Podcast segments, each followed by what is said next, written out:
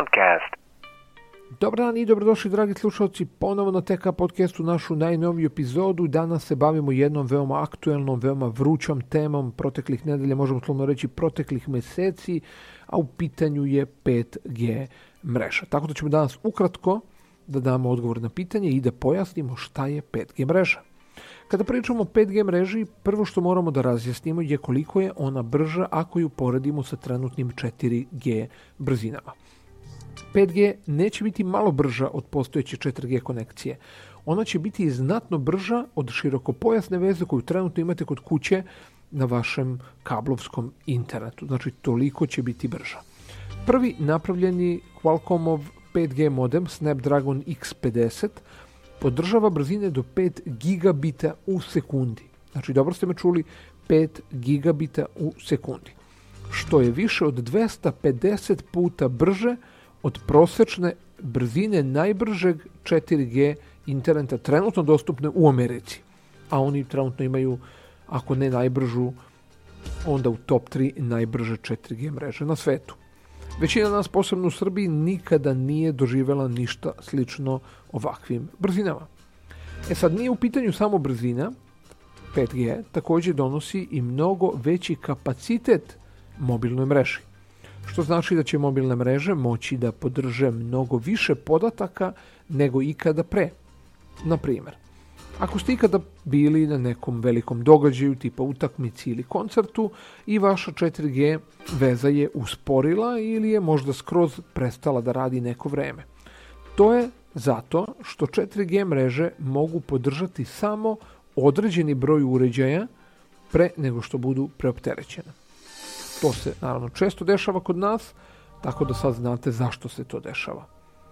Zato 5G mreže imaju mnogo veći kapacitet, što znači da imaju mogućnost da podrže i do milion uređaja po kvadratnom kilometru. Prema važećim standardima Međunarodne unije za telekomunikacije. Takođe, 5G je značajna nadogradnja u odnosu na 4G kada se radi o količini vremena potrebnog za prenos podataka, što je takođe jako značajno većini korisnika. 5G nije samo za telefone, već i za mnoge druge pametne uređaje kojima je neophodna brza internet veza, što znači znatno širu primjenu ne samo za industriju pametnih telefona. Jedan od aktuelnih primjera su naravno automobili sa automatskom vožnjom, jer je neophodno da komuniciraju sa svojom okolinom što je brže moguće niža latencija i veći kapacitet znače da će automobili zapravo biti u stanju da komuniciraju sa svojim okruženjem dovoljno brzo da im se omogući stvarno potpuno autonomno korišćenje. Koncepti takvih vozila već su predstavljeni na prethodnom sajmu automobila u Ženevi pre nekoliko nedelja. E sad, prva velika mana cele ove priče biće što će ovakva brzina doći naravno po većoj ceni. Telekomunikacione kompanije još nisu komentarisale cene, ali troškovi podataka su porasli kako su naravno brzine mreže povećavaju i nema dovoljno razloga za razmišljanje da se taj trend neće nastaviti i u bližoj budućnosti. Ali kompanije poput Qualcomma kažu da će se naravno cene podataka smanjiti na duže staze, zbog većeg broja novih uređaja koji će se pojavljivati nakon što 5G počne da se razvija. Ali za sada se ne može precizirati koliko bi ta tranzicija mogla trajati. E sad, kada će 5G mreža stići u Srbiju? Pitanje koje se postavlja. Što se Srbije tiče, praktično smo tek navikli na sve mogućnosti koje nam pruža 4G mobilna mreža, a uskoro će nam naravno biti dostupne i mogućnosti pete generacije. I dok je 4G signal tek skoro postao dostupan na širem području Srbije, što se tiče 5G mreže, trebalo bi već za par godina da bude dostupna i kod nas, bar su tako najavili predstavnici Huawei-a i Samsunga koji su naravno već uveliko u procesu pravljenja i opreme i mobilnih telefona koji podržavaju 5G mreže.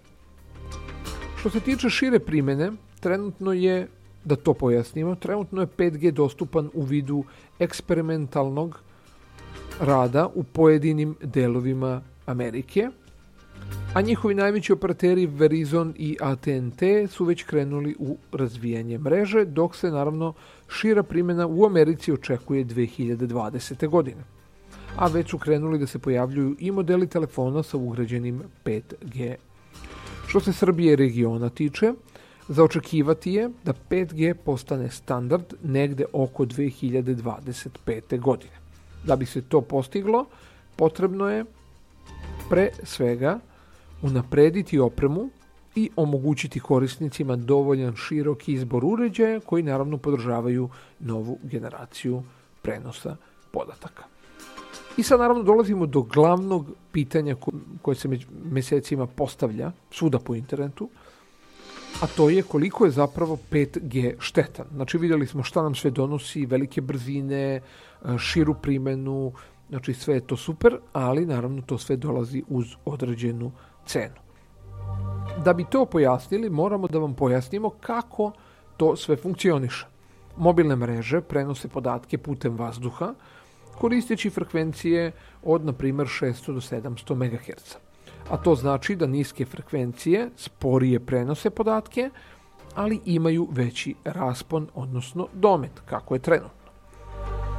Sad, da bi se postigle ove najavljene velike brzine koje će nuditi 5G, potrebno je korišćenje visokog raspona frekvencija – između 24 i 100 GHz. Znači imali smo 600 do 700 MHz koliko trenutno funkcioniše, a ovo će biti povećano na 24 do 100 GHz, odnosno takozvanih milimetarskih talasa. Što je, kao što možete već i da zaključite, znatno više, a to sa sobom povlači i jače zračenje repetitora koji rade 24 sata dnevno, 7 dana u nedelji, 365 dana u godini. Glavni problem je što su obe frekvencije izuzetno osetljive, pa tako i najmanja prepreka može da ih poremeti. Što odmah za sobom povlači i postavljanje mnogo većeg broja repetitora da bi se pokrilo više prostora. Naravno, tu ima više kompanija koje trenutno rade na rešenjima koja bi garantovala korišćenje ovih frekvencija na relativno pouzdan način. Od toga dokle su stigli, naravno, zavisit će i šira primjena nove tehnologije u bliskoj budućnosti. A trenutno je najveći problem upravo kako preneti podatke pouzdano na veću udaljenost. I dok naravno milimetarski talas, talasi donose veliki kapacitet, postoje realne prepreke. S obzirom da su kompanije najavile uvođenje naredne generacije mobilnog interneta, već počev od, da kažemo, kraja 2019. Za očekivati je da već postoje i neka rešenja na kojima se uveliko radi. Ali naravno, na internetu možemo pronaći e, prilično veliki broj ljudi, da kažemo eminentnih stručnjaka, koji su već počeli da iznose razne dokaze da je 5G izuzetno štetan za okolinu i naravno za samog čoveka.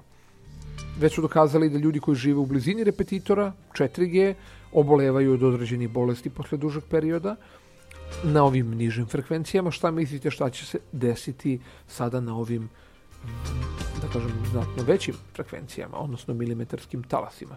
Takođe postoje izveštaje u Americi trenutno gde su ptice u tim gradovima gde su počela eksperimentalna primjena 5G mreže, da su ptice počele da odlaze, da sve manje ptica, da puno ptica pronalaze koji su uginule, e, tako da utiče štetno i na e, okolinu. Sad ne znamo sad na biljke i tako dalje, ali uglavnom na žive organizme, definitivno utiče štetno. Kaže, možete relativno lako pronaći te izveštaje ili na YouTube-u ukucajte e, koliko je 5G štetan i izaći će vam ti klipovi. Možda ćemo e, posebnu epizodu posvetiti upravo štetnosti 5G. Sad smo hteli da bude ovo kao neka uvodna epizoda gdje ćemo da pojasnimo malo šta se zapravo tu dešava oko 5G mreža i šta one predstavljaju i šta nas čeka naravno u budućnosti. Toliko za sada u ovoj našoj e, kraćoj epizodi. Nadam se da smo odgovorili na vaša pitanja. a vi naravno ostanite uz TK Podcast do neke sledeće epizode. Veliki pozdrav! Tech Up Podcast